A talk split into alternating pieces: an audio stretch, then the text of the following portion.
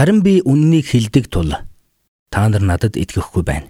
Намайг нүгэлтэй гэж нотлох хүн та нарын дотор байна уу? Тэгвэл би үннийг хэлэхэд та нар яагаад надад үл итгэнэ вэ? Йохан 8:45-аас 46.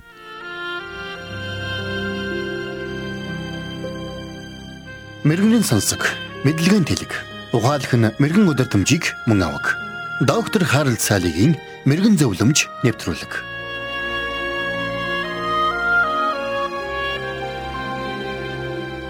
Христэд итгэхийн учир химээх алдартай намын зохиолч C.S. Lewis нэгэнтээ Үнэн шудрах зан чанар гэдэг бол хинч хараагүй байхад зөвийг үйлдэхийн нэр гэсэн байдаг юм.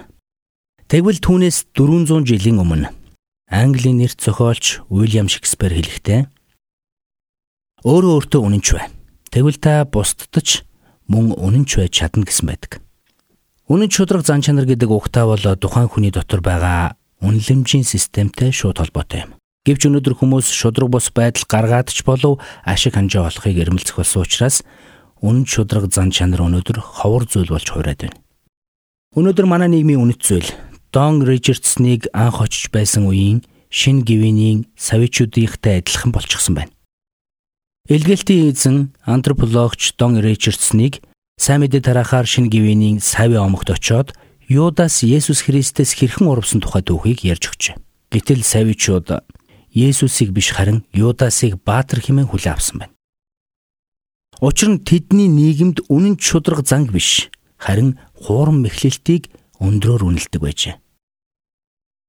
Тэгвэл өнөөдөр манай дэлхий бараг бүхэлдээ ийм үзэлтэй болчихсон юм шиг надад санагддаг. Өнөөдөр хүмүүс зорилгоороо үйлдэлээ зөвтгөн амьдарч байна.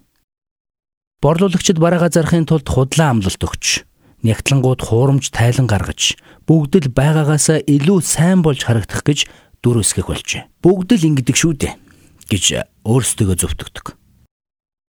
Тэгвэл бид ийм байдлаас хэрхэн ангижрах вэ? Үнэн чудраг зан чанарыг ямар орцууд бүрдүүлж байдаг юм бэ? Би танд дараах чухал дөрвөн орцыг хэлж өгмөр байна. Нэгдүгээр орц шудраг байдал. Энэ хамгийн чухал. Учир нь шудраг байж ис чадвал энэ нь хуурам мэхлэлт болно. Энэ нь эргээд маш ноцтой үр дагавар авчирч болно.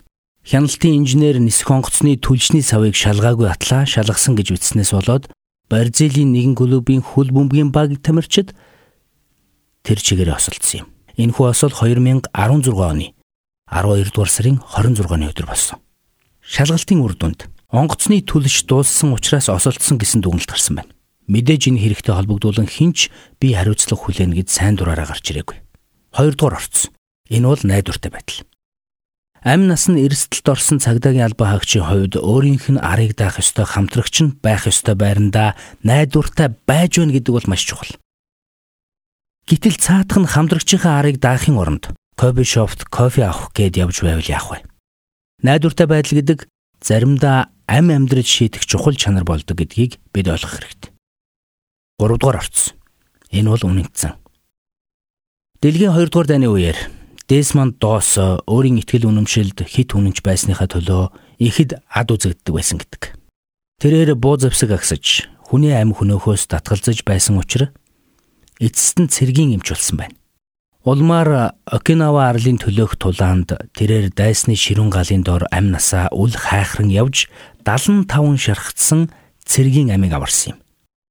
Хэдийгээр тэр өөрөө шархтсан ч шархтаа нөхдөө орхиж явахыг үсээгүй тэр итгэл үнэмшилдээ үнэнч байснаас гадна анд нөхөддөө ч мөн үнэнч байсан юм.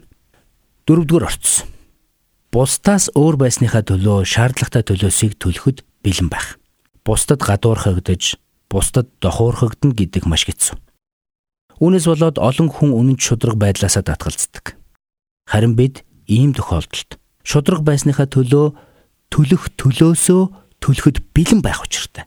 Учир нь Мартин Лютер Кингийн хэлсэнчлэн зөвийг үйлдэхэд тохиромжгүй цаг гэж үгүй билээ.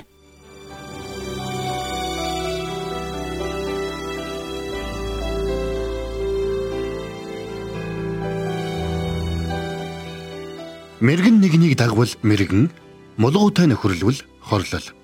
Доктор Харалт Салигийн мэрэгэн зөвлөмж нэвтрүүлгийг танд хүргэлээ.